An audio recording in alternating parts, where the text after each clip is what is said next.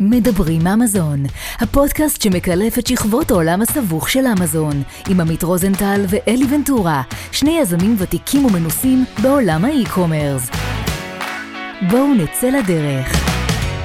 ברוכים הבאים לפרק מספר 86 של הפודקאסט מדברים אמזון. אה, אני אלי ונטורה, עמית רוזנטל כאן איתי. אה, עמית רוזנטל יצא לחופשה. אני אוהב את החופשה השנתית של רוזנטל לוגיסטיקה. אה, תראה איפה אני, אני. באלפים, אי שם. בזוהר הצפוני. אה, כן. אז כן, לעמית יש את השבוע שבועיים בשנה שהוא מוריד אופק, החג הסיני. מה קורה עמית? איך אתה חוגג את החג הסיני? איזה שנה זאת? שנת הדרקון, שנת הנחש, שנת החיפושית? אה, זה שנת הדרקון אם אני לא טועה, איך אני חוגג? אה, האמת שעדיין עובדים, אתה יודע, זה ממש, אה, אני חושב שהמשלחים הם תמיד האחרונים של באחרונים שבאחרונים שיוצאים לחופש, אבל ממש אופישלי עוד יומיים זה כאילו מתחיל שם, ווואלה, מורידים קצת רגל, נו, זה, זה גם חשוב לבריאות הנפשית לאורך זמן. בטח, חד משמעית. יאללה, אז? לכבוד החג הסיני, ספר לנו מי, מי זכינו היום. וואו, אז היום, אה, זה דבר אחד אני לא סגור, זה השם משפחה, אביתר קרמפף, תקן אותי, אבל זו טעות, זו טעות נפוצה, אני חי איתה כבר שנים. קרמפ, כן? קרמפ. אה, סוחר אמזון כבר שש שנים, מנהל מותגים אה, לאחרים גם בעצמו. אה, נראה לי יזם צעיר ומצליח. נשמע את הסיפור בהקדם, ויותר מזה, אלי, אנחנו לא אוהבים לדבר על פוליטיקה, אבל זה כן חשוב. אה, לוחם לא, לא בצבא ההגנה פוליטיקה, לישראל, לא פוליטיקה. שמר על מדינת- על מדינתנו וכולנו מצדיעים לך. אה, ובאמת אה, אני חייב להגיד שלרוב אנחנו מתחילים בלספר כאילו את הסיפור שלך ואלי ידריך אותך תכף, אבל בעיקר מעניין אותי, בוא, היה לך עסק בשלושה חודשים בהשבתה, כאילו איך עמדת בזה בכלל? זה סתם ברמה ממש פרוצדורלית איך עושים את זה. האמת שכן, דבר על זה שהיית ב... במילואים, כמו שסיפרת לנו רגע לפני, מה-8 באוקטובר ועד לאמצע ינואר. אז איך מנהלים עסק בתקופה כזאת? אה, קודם כל זה אירוע באמת מורכב. אה, במיוחד בחוסר הוודאות אה, שבעצם קורית בתוך מילואים, בתוך תקופה כזאת. בקצה, ברמה הטכנית נקרא לזה ככה, באמת נתתי, העסק שלי מורכב מהחנויות הפרטיות שלי והעסק שלי מורכב גם מלקוחות שאני ממש מנהל להם את החנות מאלף ועד אה, והייתה לי בעצם השקה ממש סמוכה לתאריך הזה, השקה של מוצר שלי. אז ברמה הטכנית באמת נתתי לחבר טוב, אדם בשם אה, דמיאן שמעונוב לנהל לי את רוב החנויות. אה, ניסיתי ככל שאני יכול בין האפטרים הקטנים שהיו לי הבעיה המשמעותית הייתה שבמילואים שלי בעצם רובם היו בעזה ובעזה אין טלפונים וגם אם יש אז אין קליטה. אה, זאת אומרת שהגישה שלי, האפשרות שלי בכלל היא להסתכל, להתעדכן, לראות אם, אם דמיאן צריך משהו ממני, אישור כלשהו אה, ובאמת לעקוב אחרי הדברים הייתה מאוד מאוד מאוד מסובכת. והאמת שזה אתגר גדול, אין לי איך להגיד, כאילו אין לי, אין, לא, לא קיבלתי איזושהי עזרה מיוחדת מהצבא או באמת מהמילואים, פשוט תוך כדי התקופה הזאת, תוך כדי הלחימה עשיתי כל מה שאני יכול כדי לנסות להישאר אה, בתוך העניינים ו... וספגתי גם חבטות, אה, חיובים של אמזון, אה, כל מיני דברים שאם הייתי נוכח והייתי מעודכן בהם אז לא היו קורים אבל טפו טפו טפו הכל בסדר, לא... וואי, זה גם לא- קריסמס. כן. קריסמס. וואו. ממש ככה, כן, כן. אז, אז אני יכול להגיד שדמיין עשה עבודה טובה, זאת אומרת, רוב הלקוחות שלי אה, הם מרוצים, היו מרוצים, כן אני חושב שאתה יודע, תמיד, תמיד אנחנו חושבים שאם הייתי נוכח הייתי, היינו יכולים למכור יותר והיינו יכולים להרוויח יותר, אה, אבל בסוף בקצה טפו טפו טפו, העסק קיים, הלקוחות שלי איתי, העבודה שנעשתה להם, שזה הדבר הכי חשוב שיש, העבודה שנעשתה להם הייתה עבודה טובה, אני ספגתי כן בחנויות הפרטיות שלי כמה הוצאות אה, קשוחות, אבל, אבל לא משהו שאנחנו לא יכולים להסתדר איתו והכל בסדר, ויש את הקריסמס הבא, כמו שאני תמיד אומר. פרופורציות קצת כאילו, או לחיים בכלל באירוע כזה? מה זה? פרופורציות לחיים בכלל באירוע כזה? פרופורציות זה המתנה הכי גדולה שקיבלתי, לא כקלישאה, זה, זה יישמע מאוד, מאוד קלישאתי, אבל אי אפשר להסביר, תראה, אני לפני, כמו שסיפרתי לכם, לפני שחזרתי למילואים, הייתי בתאילנד, הייתי בתאילנד עם לקוח, הייתי בעצם באיזשהו פיק עסקי מבחינתי, לקוח שהטיס אותי, אה, לעבוד משם, לבלות משם ביחד איתו, והייתי במין איזושהי שגרה שהרבה אנשים, תחשבו על השגרה שלנו, אני חושב שאם אנחנו לא מעריכים אותה, אולי אתם כן, אבל הרבה מאוד פעמים, אה, אתה יודע, יש לנו איזושהי סוג של שגרה שאנשים יכולים רק לקנא בה. העבודה מרחוק, העבודה מהמחשב, אה, כל, כל, מה ש, כל מה שנגזר מתוך דבר כזה שנקרא עסק עצמאי, ואני באיזושהי נקודת זמן מסוימת הפסקתי להעריך את השגרה הזאת, שגרה שבאמת נלחמתי בשיניים כדי להגיע אליה, להגיע לאיזושהי נקודה כזאת שאני באמת יכול להיות מרוצה ממנה, אבל כמו כל דבר, כמו כל שגרה, בשלב מסוים הפסקתי להעריך אותה. אה, בין אם זה בשעות, בוא נגיד, חלק מהעשייה פשוט לא הרגישה לי משמעותית מספיק, כתוצאה מזה הפסקתי להעריך את זה, והמלחמה כבר בימים הראשונים, זאת אומרת מהרגע הראשון שאני מוצא את עצמי בתוך עזה, אה, בסיטואציה שאני מנותק לחלוטין מהעולם החיצון, ברמת, נקרא לזה, ברמת הסטנדרט הכי נמוכה שיש של היגיינה ושל אה, אה, עבודה מאוד מאוד קשה וכן הלאה, אני חושב שזו המתנה הכי גדולה שקיבלתי, פרספקטיבה ופרופורציות לחיים באופן כללי, ומאותה נקודת זמן, ברגע שחזרתי גם לשגרה שלי, אין משהו שאני יותר אוהב ומעריך באמת מהשגרה גם ברגעים הפחות טובים וגם ברגעים המשעממים, וואו, אני מת על השגרה שלי. וואו. טוב, נראה לי אחד הפתיחים הכי גדולים שהיו לנו לפרקים. כן, אה, אתם תופסים אותי בסיטואציה שהכל גם מאוד מאוד טרי. בכלל אתם מקבלים, עוד לא איבדתי ועיכלתי עוד נראה לי חצי מהדברים. בכלל תופסים את זה ברגע נכון. וואו. מטורף. כן. טוב, תמיד אנחנו אומרים שעסק המזון, אחד היתרונות הכי גדולים שלו, הגדולות שלו, זה שאפשר... אה, לנהל אותו מכל מקום בעולם, מתי שרוצים, כאילו, אתה יודע, הסיפורים של תשב רגל על רגל על חוף הים ותעשה את זה, או שתנהל את זה באמת מכל מקום. וקודם כל אנחנו מגלים שאי אפשר לנהל את זה מכל מקום. לא לחן יונס, בוא נגיד את זה ככה.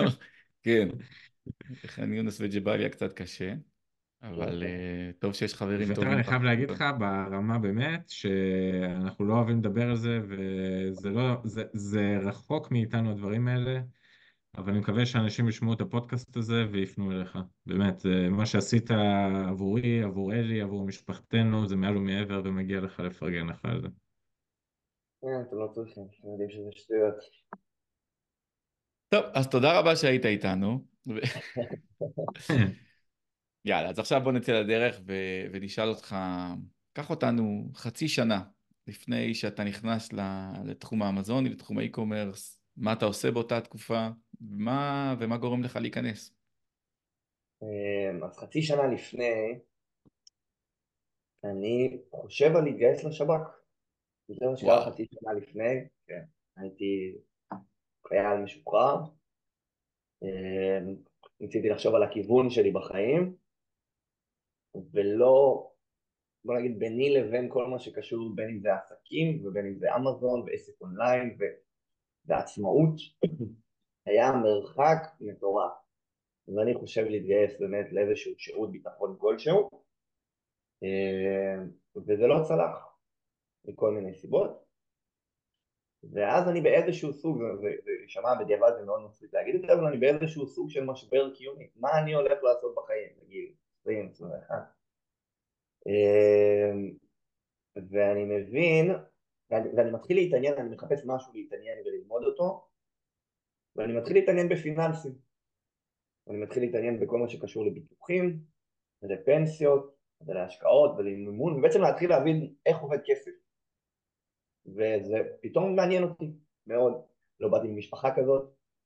אמ, ההורים שלי שניהם שכירים, האנשים שמקיפים אותי, שהקיפו אותי באותה תקופה מן הסתם אה, שכירים, ואני מבין שכסף אה, וכל הנושא של איך לייצר כסף, או איך כסף מתנהל, או איך אנשים מתנהגים עם כסף, הכל מאוד מאוד מעניין. ואחרי שאיזושהי תקופה אה, מסוימת אני לוקח את זה ולומד את זה בצורה מאוד מאוד עמוקה, עבדתי בזמנו שרק עברתי לתל אביב, עבדתי כמו כל אה, לוחם משוחרר, עבדתי באבטחה, והיה לי זמן, היה לי, היה לי מספיק זמן אה, אה, בעצם ללמוד את התחום, היה לי איזשהו, ניהלתי אבטחה של איזשהו, איזושהי חברת הייטק, והיה לי משרד, והיה לי המון זמן פנוי בתוך שעות העבודה, ואני בעצם יושב מול המחשב ומנהל לעצמי איזושהי שגרה, שבתוך השגרה הזאת יש המון המון המון למידה, באמת על כל התחומים שציינתי, ואז אני מגיע לרגע שבו אני, משהו בכל הרעיון של עסק פורץ לי, ואני מחפש בעצם את העסק שנראה לי הכי הגיוני, או במירכאות אפשר לקרוא לזה אולי הכי קל, אבל, אבל אני, בואו נקרא לילד בשמו, אני צריך לש... להשקיע בו הכי פחות כסף כדי להקים אותו, אמ, אני לא צריך אה, ללכת לרכוש או להשכיר מקום פיזי וכן הלאה וכן הלאה, ובאמת האמת שההתעסקות הראשונית שלי הייתה בכלל עם אי-ביי, דרך אי-ביי אה, למדתי את.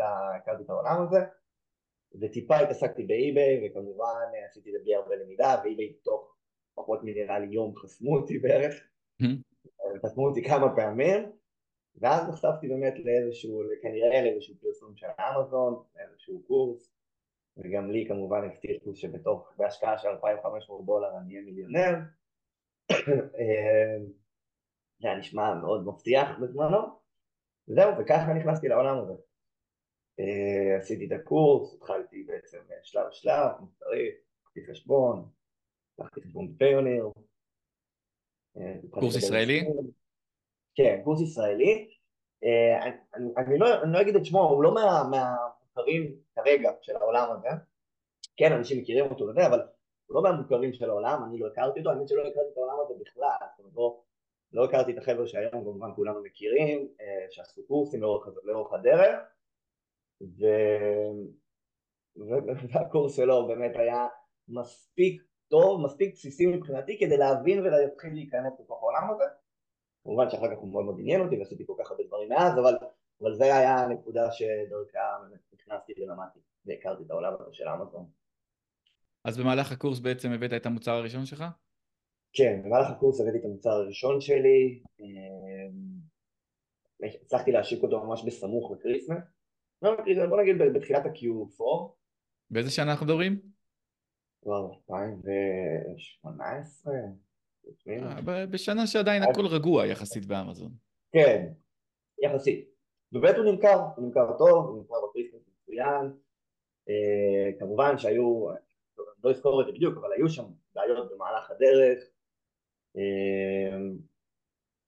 אבל העבודה הייתה טובה, ומאוד היה פתאום, אני חושב שהבנתי שאני יכול לעשות כסף תוך כדי שינה.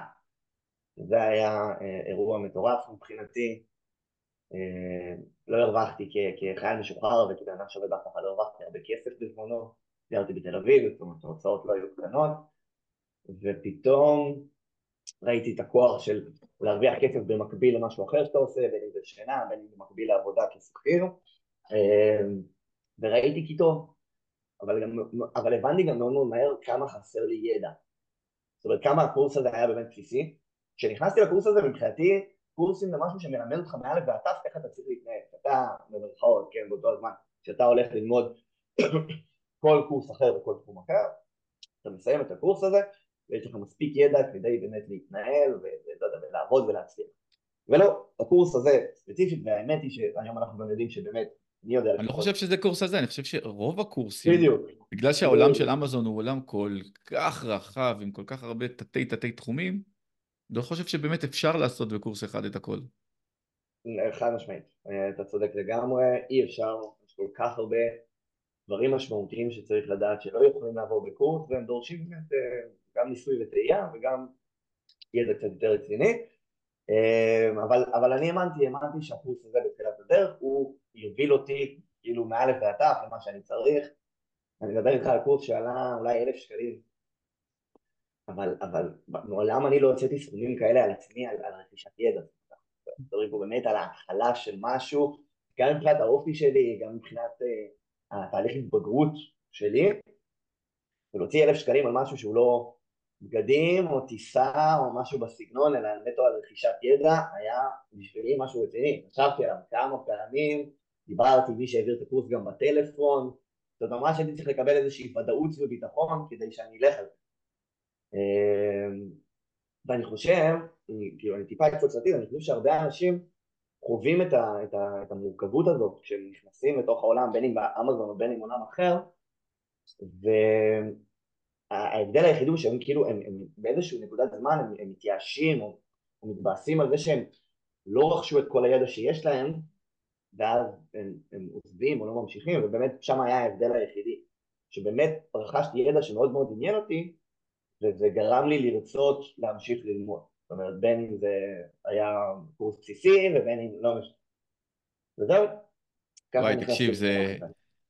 אתה אומר את זה ואתה מחזיר אותי עשר שנים אחורה לאיזה יום שישבתי, לפני שהתחלתי את הקורס, וגם התחלתי ללמוד כל מיני דברים לבד ויוטיוב, אני מדבר איתך על 2013, כאילו לא היה יותר מדי דברים, ואז כאילו ראיתי קורס אי-ביי של יעל גלאזר, שאכלה לי את הראש בפרסומות, אני מת עליה, כן.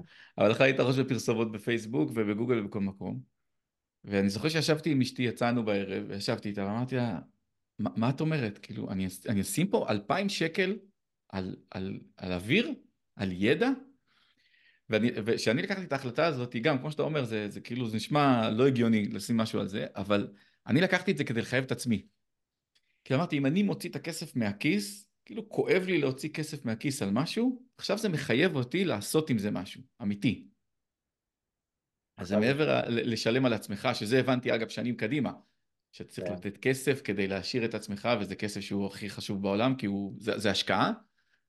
אז, אז השלב הראשוני של ההשקעה לא הבנתי את זה, אלא, אלא יותר ה, להכריח את עצמי זה מה שהניע אותי.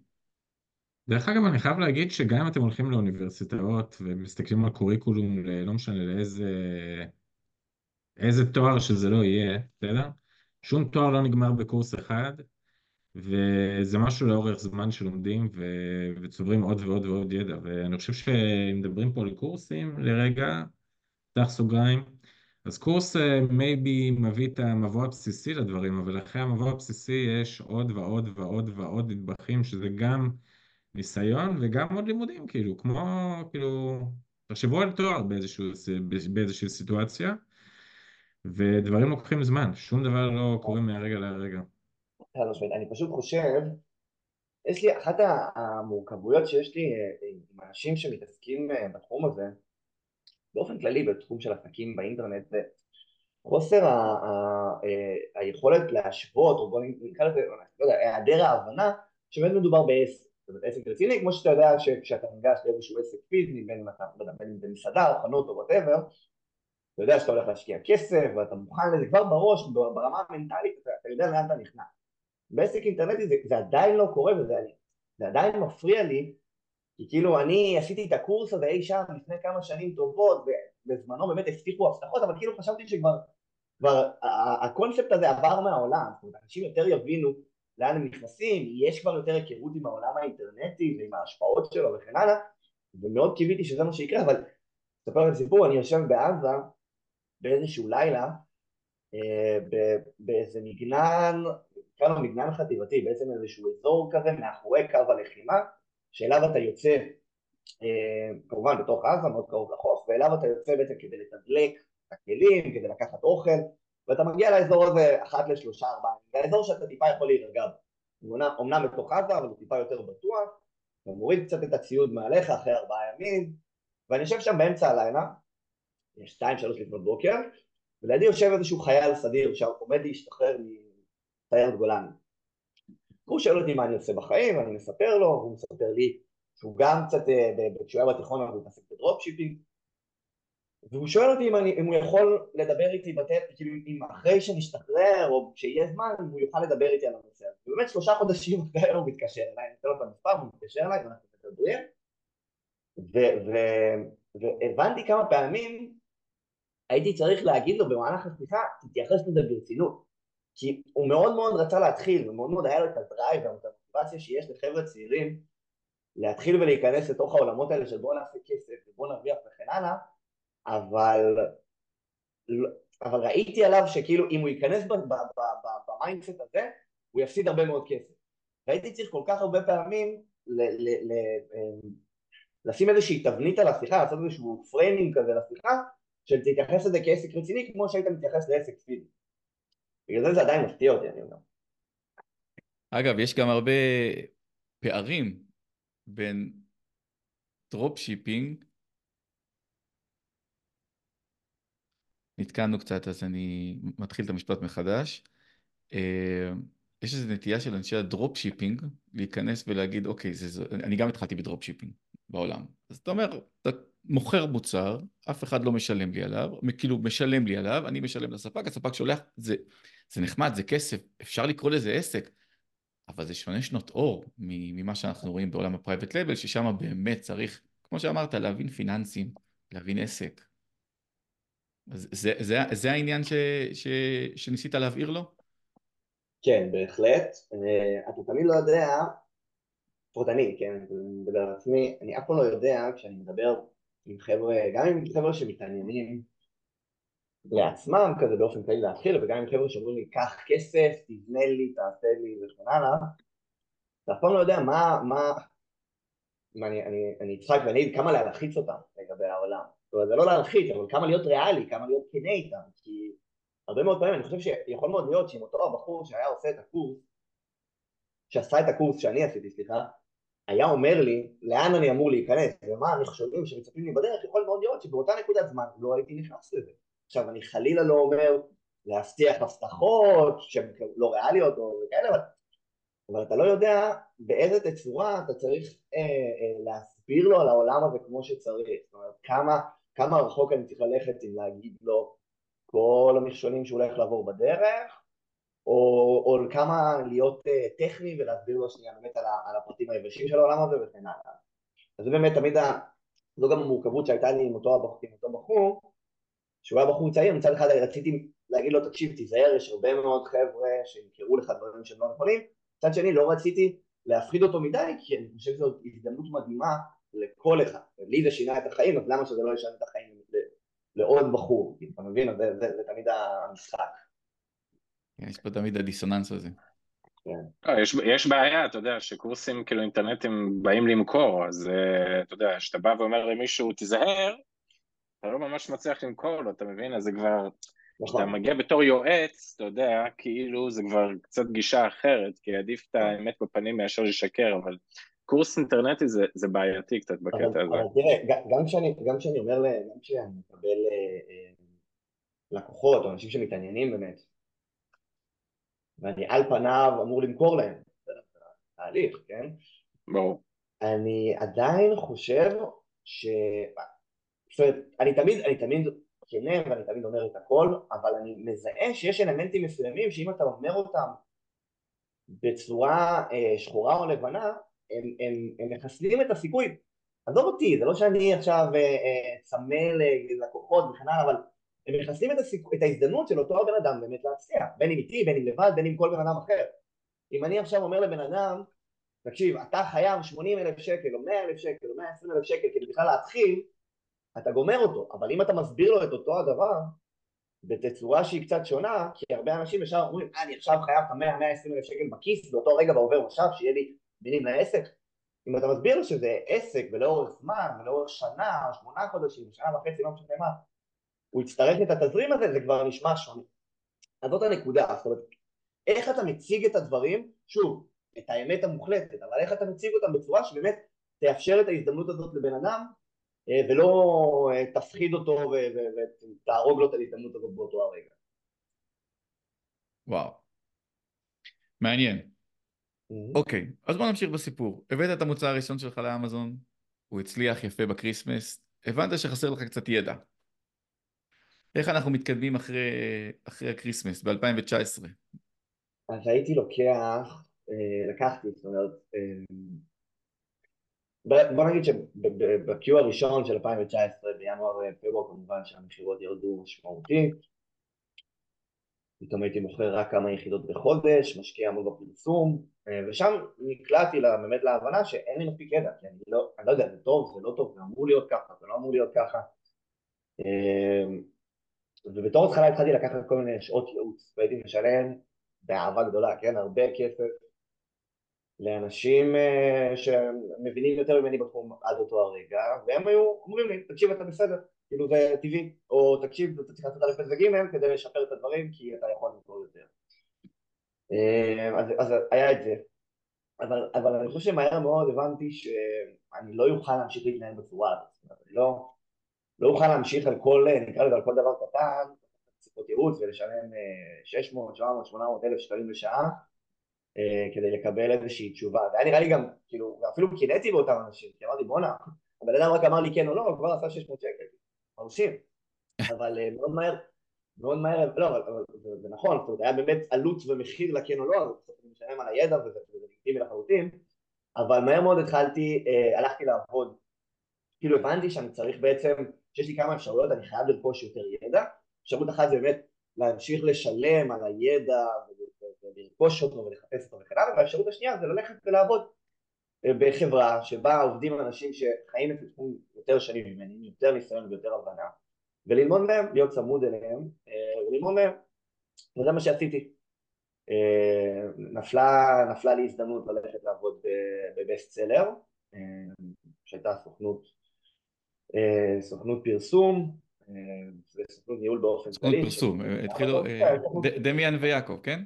נכון, דמיאן ויעקב, זה כבר היה אחרי התקופה של יעקב.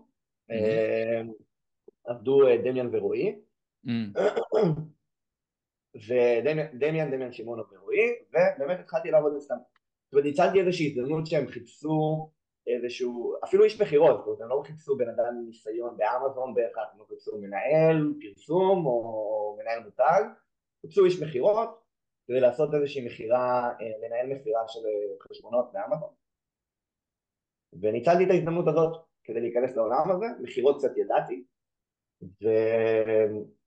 וההזדמנות הזאת מהר מאוד אה, אה, פגה, הייתה איזשהו קושי, באיזשהו, כל כמה שנים יש איזשהו קטע כזה שאמזון מקשים על כל הנושא של מכירה, של, של החלפת חשבון נקרא לזה ככה, של מכירת חשבון, אה, או מקשים על הרעיון של dropshipping באופן כללי, כי החשבונות היום אמורים להימכר לחבר'ה שמתעסקים ב dropshipping, למיטב זיכרוני, ו... אבל כן הם קיבלו, החברה בסדר קיבלו כמה לקוחות וכן נתנו לי את ההזדמנות, כי כן היה לי כבר איזשהו כן, מעט ידע לפחות באמזון, אז כן נתנו לי את ההזדמנות לנהל כמה לקוחות, אבל באמת הנוכחות שלי באותו המשרד עם חבר'ה שמבינים בתחום הרבה יותר ממני, שאני יכול לשאול אותם על כל דבר קטן, אה, ממש יושבים לידי, הייתה סופר משמעותית מבחינתי, ואני חושב תקופה, לא עבדתי שם המון המון זמן, אבל, אבל רכשתי המון המון ידע, המון ידע בתקופה הזאת, ומאז זה גם מה שאני ממליץ, זה אחלה הזדמנות ואחלה דרך לחבר'ה שרוצים להתעסק בעולם הזה, לכו תעבדו אצל באמת אנשים שמבינים יותר ממכם, גם אם זה בשכר מאוד נמוך, ואני הרווחתי שכר מאוד נמוך במשך תקופה, אבל זה היה מספיק חשוב uh, כדי לעשות את זה, כי באמת הידע שרכשתי היה מטורף.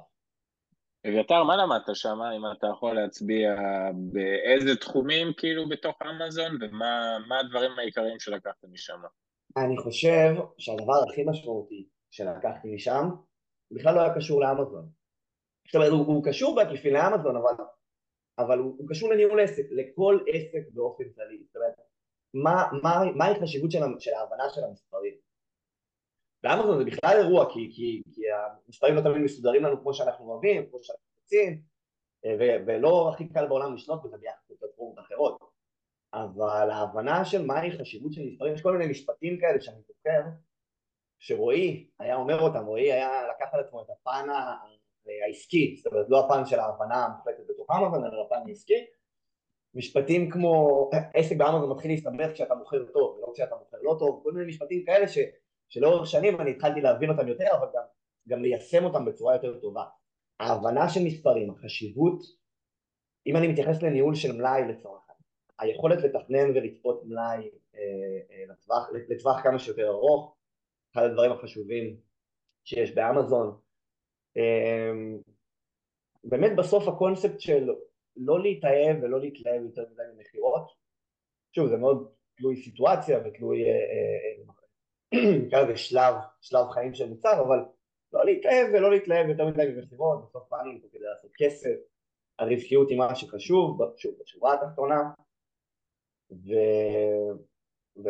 והדברים האלה, בסדר, בין היתר למדתי כמובן הרבה דברים על הפלטפורמה, ולמדתי על, על, על, על המבנה, על איפה כן צריך להשקיע יותר מאמץ, זאת אומרת על הפרטו של אמזון מבחינתי, וכן הלאה וכן הלאה, אבל באמת הרבה דברים שקשורים לעסקים באופן כללי, להבנה של מספרים, שמאוד מאוד עזרו לי להמשך.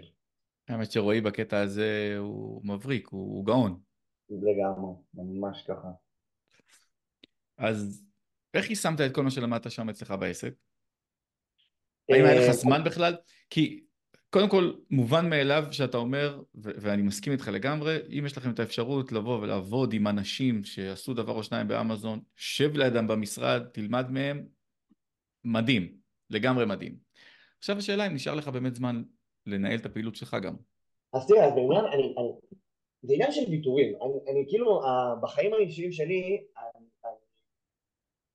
אני מבין בחיים הקצרים, בסדר, נקרא להם ככה, אני, אני מבין שבאמת חיים מתעסקים בהרבה מאוד ויתורים והאפשרות, האופציה הזאת שהייתה לי ללכת ולעבוד שם זה לא שהייתה לי אופציה, זה לא נפל עליי משמיים הקונספט של ללכת ולעבוד והכל היה טוב, לא, עבדתי קשה וגרתי בתל אביב והמשרדים היו בראשון ונסעתי באוטובוסים בפקקים שעתיים לכל כיוון והרווחתי מעט מאוד כסף כשאנשים שהקיפו אותי הרוויחו משמעותית יותר ממני זאת אומרת, אומנם בתחומים אחרים, אבל, אבל זה לא היה משהו שהוא כאילו וואו, מצאתי איזושהי הזדמנות.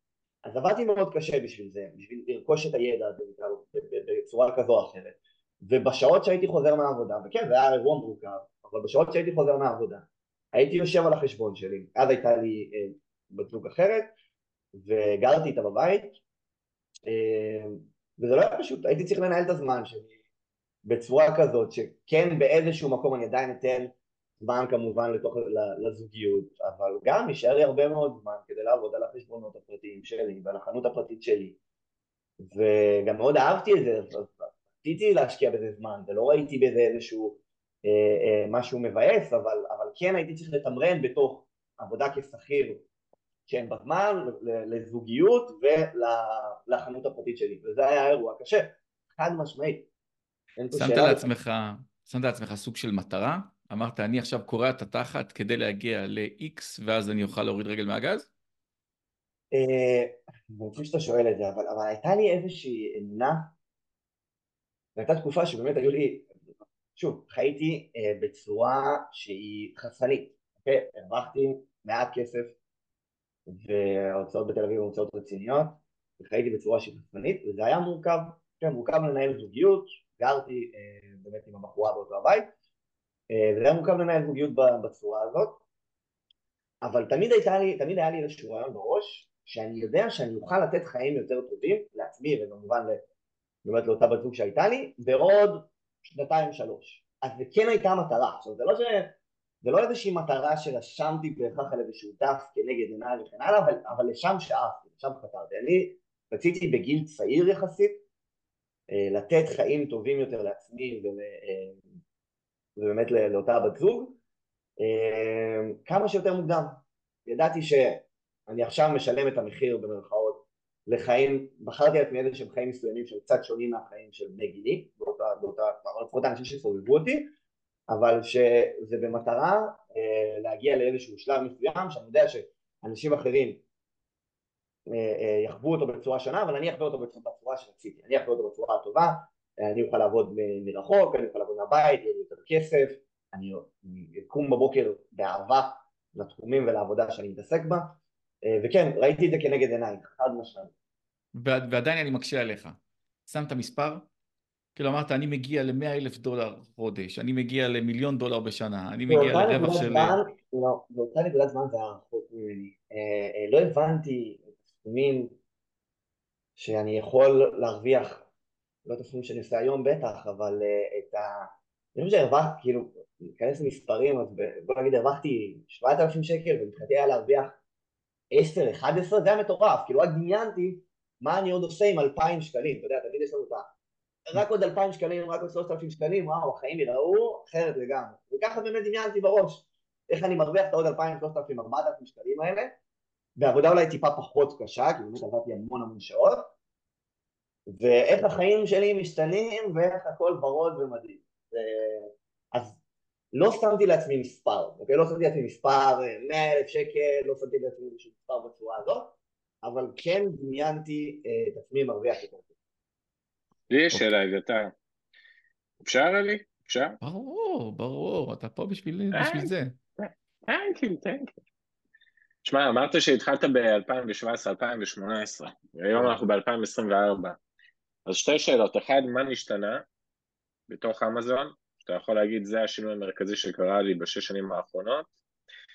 ושתיים, האם אתה חושב שאם היית מתחיל, לצורך דוגמה, כמוך ב-2018, ובום, כל השינויים האלה שאמזון העבירו אתכם עד 2024, והיית צריך to adjust yourself לתוך השינויים האלה, או שאם היית מתחיל עכשיו, עושה קורס באמצע 2023, נכנס לתוך הדבר הזה, אם זה היה לך יותר קל להתמודד עם זה עכשיו.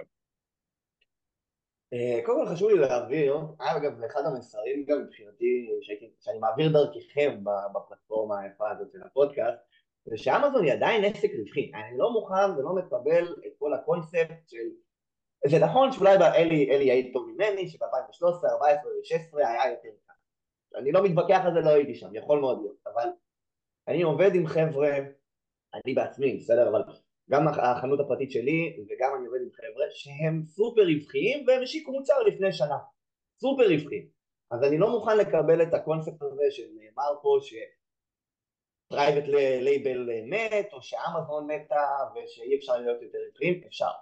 ואגב זה גם משהו שלמדתי מרועי. הקונספט ש... עם, התוכנית העסקית של אמזון, עם העסק הזה שקוראים לו אמזון אם עדיין אנשים רוכשים בו, הוא יכול להיות רווחי. זאת אומרת, אנחנו כמוכרים יכולים, יכולים להיות רווחיים בו, יכולים לעשות כסף, זה עד כדי כך פשוט. אם יש קניון, והקניון הזה עדיין מביא traffic, עדיין מביא אנשים, ואנשים עדיין רוכשים בקניון הזה, אפשר להיות רווחיים בו. עכשיו באמת צריך להבין איך. ונכון, יש, יש חד משמעית הבדלים בין 2018 ל-2024. אני בטוח שהרבה חבר'ה, כמובן שאתם יודעים מה ההבדלים, והרבה חבר'ה שראיינתם דיברו על ההבדלים האלה, בין אם העלויות פרסום שהן הרבה יותר יקרות, בין אם תחרות הרבה יותר גדולה. אה, בוא ניתן לך, ניתן לך, לא, לא רק לך, לך ולצופים, בוא איזה, איזה נקודה ששמעתי אותה השבוע אגב רק, קיבלתי את הנתונים האלה והייתי בהלם. יש בחור, חבר, סלר אמזוני, שמכר את הפעילות שלו באמזון לפני שנה וכלום. הוא התארח אצלנו באחד הפרקים, אבל אני לא אחשוף את השם שלו כי הוא יהרוג אותי. אה, והוא השיק מותג חדש, חשבון חדש, מאפס. חשבון שאתה פותח אותו מאפס, אני עזרתי לו לפתוח חשבון כי הוא שכח מה זה לפתוח חשבון. Yeah. כן. והמוצר שלו הגיע לאמזון, המוצר הראשון, באפריל 2023, והוא ראה שזה טוב, אז הוא הגדיל והגדיל, עשה עוד קצת וריאציות, עשה את הגודל, כי הוא הבין את ה scale. אתה יודע, בן אדם שכבר מבין אמזון, אז יודע לעשות אמזון ולא לפחד. הוא סיים את שנת 2023 עם מחזור של 2.2 מיליון. נורא. לא שנה שלמה. מאפריל ועד Christmas ב-2.2 מיליון. אז, אז מה שהתחלת להגיד מקודם, חד משמעית, אמזון זה עדיין מקום שאפשר לעשות בו ערימות של כסף, בזמן גם יחסית לא ארוך, אבל כן, צריך להתייחס לזה, כמו שאמרנו מתחילת הפרק, כעסק אמיתי לכל דבר ועניין, וצריך לדעת להשקיע כסף, וצריך להיות מקצועיים בו, וצריך להבין את החומר, וצריך להבין המון המון המון תתי נישות, וצריך להיות גם סמנכ"ל כספים וגם סמנכ"ל marketing, גם סמנכ"ל לוגיסטיקה וגם סמנכ"ל תפעול וגם לדעת לקנות נכון וגם לדעת למכור נכון והכל הכל הכל ביחד, אבל זה עסק טוב. חד משמעית, אין, אין לי ספק בזה. אמ, אני גם חושב ש... אני, אני כאילו, אני, אני אפתח סוגריים ואני אגיד שהרבה, כאילו אני, אני מופתע שאין יותר בעלי עסקים שהם כבר מוכרים, זאת אומרת לא ה private label הקלאסי, אלה שנכנסים לאמזון פעם ראשונה שהם מקימים עסק, מקימים חנות וישר לאמזון, זה חבר'ה שהם בעלי עסקים קמעונאיים בארץ, שבין אם הם מוכרים אופליין או אונליין או גם וגם, שנכנסים לאמזון, כאילו אני, אני, פתאום נפל לי האסימון, אתה יודע זה גם משהו שאנחנו מאוד הגיוני וברור ואנחנו מכירים, אבל פתאום נפל לי האסימון, אני אומר בואנה אנחנו בארבע שנים האחרונות חווינו קורונה פה בארץ, כן? חווינו לחימה, מלא בעלי עסקים נפגעו, אני עכשיו כאילו בגלל שהייתי במילואים אז הייתי יותר חשוף לכל הפגיעה של בעלי עסקים, במיוחד חבר'ה של מילואימניקים כמוני, אבל באופן כללי גם בעלי עסקים, קמעונאים. ואני אומר, איך עוד, איך, איך החבר'ה האלה שכבר גם ככה מייצרים מוצרים, אז בכלל הם מכירים את כל הפעילות העסקית, הם גם ככה כבר מייצרים אה, מלאים, אז כאילו אין להם את ההוצאה, במירכאות ההוצאה הגדולה הזאת והמפחידה של עכשיו בואו נחזיק ונקנה מלאי אתה יודע, אה, אה, ביחס לחבר'ה שישר רק מוכרים לאמזון. איך הם לא עושים את ה shifting הזה וגם עוברים לאמזון? כאילו, זה נראה לי מטורף, ולשם אני רוצה להתכוונן, זאת אומרת, אני אתחיל להכווין את הפעילות שלי, חלק ממנה, פעילות שמנהלת לקוחות, לתוך המקום הזה, של בוא נכניס אתכם לאמזון, זה יעשה להם פלאים בעסק, כאילו זה, זה ישנה להם את ה... באמת זה ישנה להם את החיים, הם לא יצטרכו לפחד, או יפחדו פחות, מה מה קורה ב, בישראל, בוא'נה, אנחנו מדינה קטנה, חיים פה דינמיים בטירוף, אה, פזרו את הסיכונים שלכם, לכו לארצות הברית, אתם חשופים לקהל הרבה יותר גדול, אתם חשופים לפחות שינויים אה, אה, אה, גיאופוליטיים נקרא להם ככה, יאללה תתחילו למכור שם, אז, אז כן, אז בהתחבר למה שאתה אומר חד משמעית, עסק באמזון הוא, הוא, הוא דבר מאתגר ומורכב כמו כל עסק, אבל עדיין מאוד מאוד רווחי ועדיין אני חושב שהוא אחד הפלטפורמות הכי טובות אה, לחבר'ה באמת לפתוח בהם עסק. ועמית, אני חוזר למה שאמרת, למה שדיברנו עליו כן, יש הרבה שינויים מ-2018 עד 2024, אני לא חושב ש... שאם הייתי נכנס ב-2023 אה, היה לי קשה יותר או קל יותר, יש, פה, יש שם יותר מדי משתנים. שצריך להוציא כדי באמת לעשות את ההשוואה הזאת, אבל אני חד משמעית חושב שזה נכון, אוקיי, ב-2018 הייתה פחות תחרות, אבל ב-2023 יש יותר כלים, סתם שעוזרים לנו אה, למדוד את המידע, לנתח אותו, אה, יש, היכולת שלנו לתקשר עם ספקים או עם, לא יודע, כל האנשים שסובבים את העולם הזה ועוזרים לנו להתנהל בו, הרבה יותר פשוטה. בקיצור, חסרונות ויתרונות יש לפה ולשם, הפלטפורמה היא עדיין נצחית, ולכן עדיין שווה לפתוח בעסק, זאת השורה התחתונה שלי. תגיד, באיזה, עמית רציתי להגיד משהו?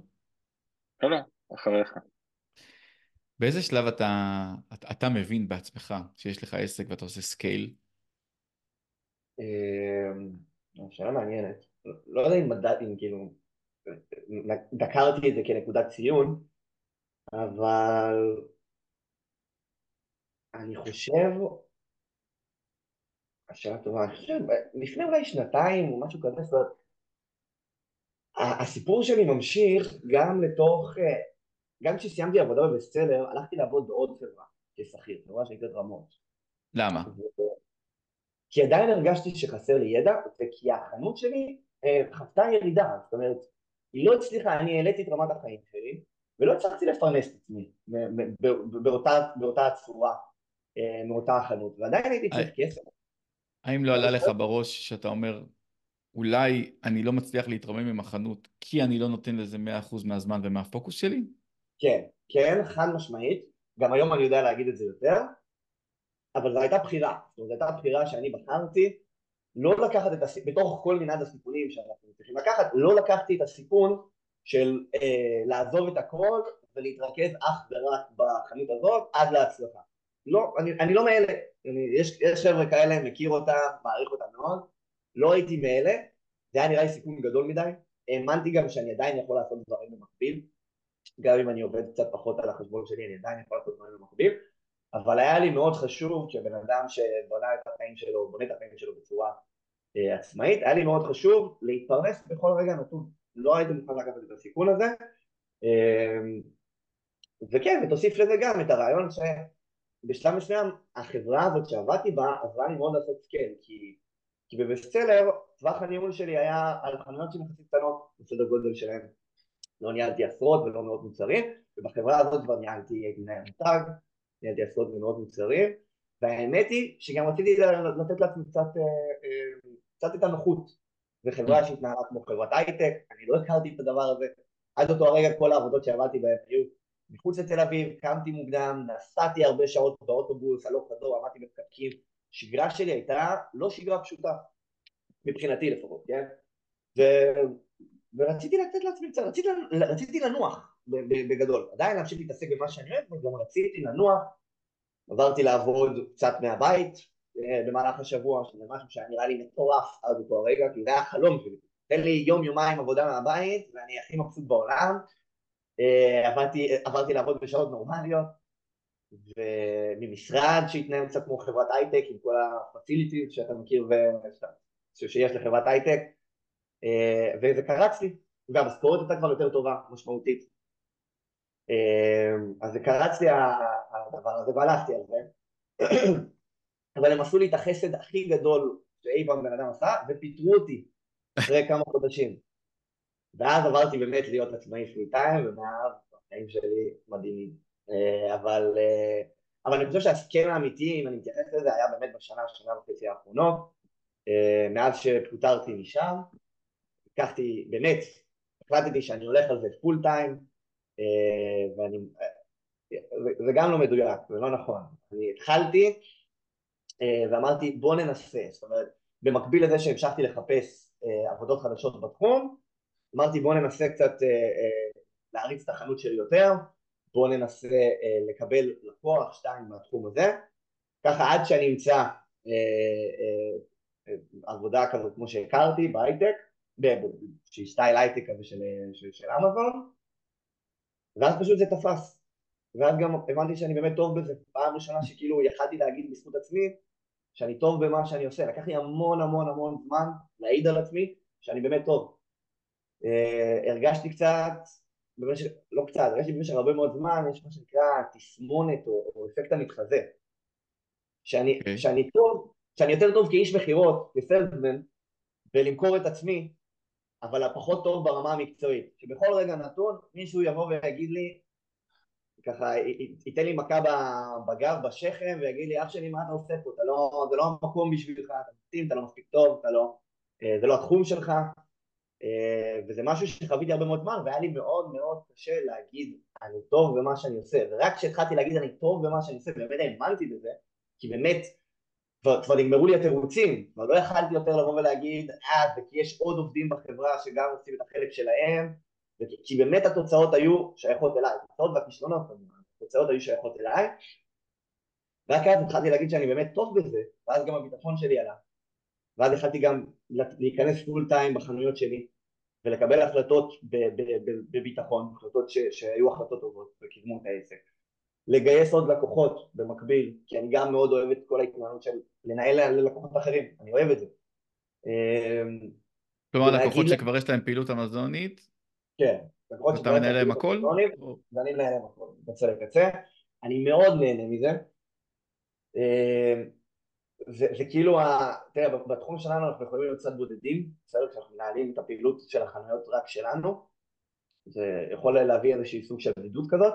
כשאני מנהל ללקוחות אחרים את החנויות שלהם, יש לי תקשורת עם העולם החיצוני, זאת אומרת, יש פה, אני כאילו עובד עם קולגות, זה מין תחושה כזאת, אז אני מאוד אוהב את זה, ואני גם אוהב להראות להם את התוצאות, אני אוהב להראות להם את השיפור, אני אוהב לשמוע מהם את הפידבקים, אה, כמובן ש... שיש גם אה, אה, תוצאות פחות טובות וכן הלאה וזה, וזה חלק מהדרך לגמרי אבל אני אוהב לעשות את המקסימום שאני יכול באמת כדי לעבור לאותם אנשים. ו, ובאמת באמת באמת רק כשאמרתי לעצמי והבנתי שאני טוב בזה הסקל הגיע. כי אז באמת יכלתי לגייס לקוחות בלב שקט ולהאמין בכל, זאת אומרת, התחלתי, נקרא לזה לגייס לקוחות במסה יותר גדולה. כי באמת האמנתי שאני יכול לעזור להם. זה לא היה כזה כבר, אה, אה, אוקיי בוא רגע נראה את המצב של החשבון שלך ואם, ואם ידעתי לנתח לפני בדיוק איפה נמצאת הבעיה ואם אני באמת יכול לעזור, כאילו הבנתי כזה, ידעתי לפתור את הבעיה מבעוד מועד אז, אז הלכתי על זה, לא, כבר ידעתי שיש לי system, system הזה עובד, מעצם זה שאני שולט ויש לי הרבה יותר ניסיון בתחום מאותו הבן אדם שמגיע אליי, אני כנראה יכול לעזור לו, אה, ובאמת התוצאות לא איחרו להגיע, ואני חושב שזה היה... עכשיו אני אעשה לך ניתוח פסיכולוגי קטן. עשית את הסקייל, אתה מאמין בעצמך, אתה עושה דברים מדהימים, גם ללקוחות וגם לעצמך, אבל אתה עדיין איפשהו פה, מאחורה, לא מאמין בעצמך במאה אחוז. אני חושב שזה נכון. אני אגיד לך גם למה. כי אתה, כן. כי אתה או, או שאתה בן אדם פשוט מאוד מאוד ריאלי ואומר, אני רוצה יציבות. כמו שאמרת, אני רוצה להיות שכיר, אני רוצה להיות זה. אז גם פה יש לך את היציבות בניהול לקוחות, שיש ריטיינרים, אבל אתה עדיין לא שם 100% אה, פוקוס בעסק שלך. זה נכון, זה 100% נכון. אה, ושוב, יש... אני לא אומר שזה רע, אני לא אומר שזה רע. לא, לא, לא. זאת אומרת, זה בסדר גמור, גם אני הייתי ככה, אני הייתי בדיוק כמוך. אביתר read my lips, אביתר read my lips אחי בקטע הזה, כן? read my lips, אתה בחור צעיר בן 27, עם ההתבגרות זה פשוט קורה באופן טבעי. עם ההתבגרות ועם ההצלחות ועם הכישלונות שגם באים בדרך, אבל ההתמודדות עם הכישלונות זה פשוט מגיע. זאת אומרת, אה. יש כזה אני- גיל אני- ה-20, אלי, היות ואני ואלי בני אה, 40 פלוס, אלי עם שיער מאפיר ואני עם שיער מקריח, אנחנו נגיד לך ששנות ה-20 אתה בונה את עצמך ומה אתה רוצה, שנות ה-30 זה זמן ההגשמה שלך, כולל לבנות משפחה, ובשנות ה-40 אתה מקבל איזה סטמפה כזה של טוב, זה אני, זה מה אני יודע, בזה מה שאני טוב, ועף אה, קדימה. אז אה, הכל טוב, תאמין לי, יאללה. זה יגיע.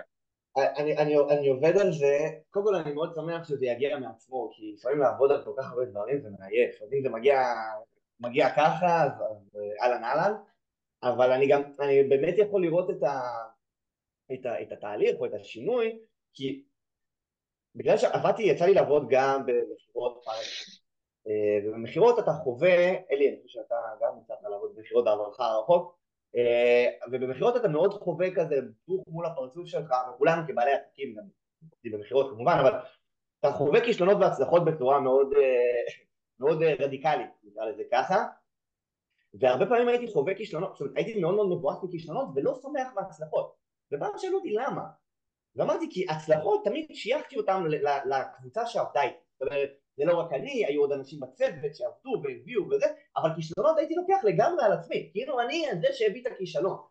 ו- ופתאום מישהו אמר לי, איך, איך, איך אתה עובד בצורה, איך אתה מתנהל בכלל בצורה הזאת? שכישלונות אתה לוקח אך ורק על עצמך, אבל הצלחות זה כולם, זה לא רק אתה, אתה לא שמח מהרעיון. אז לקחתי את מה שהוא אמר, מה שהיא אמרה, ו... אה, ואני, אז אני, אני עושה, זאת אומרת, אני עובד על זה ואני עובד, ואני, ואני חושב שהיום אני נמצא באמת בנקודה שאני באמת הרבה יותר בטוח בעצמי, אבל סיכוי מאוד מאוד טוב, שבאמת לא במאה אחוז, על אף כל ההוכחות ועל אף הניסיון וכן הלאה, עדיין לא במאה אחוז, חד משמעית זה יכול להיות.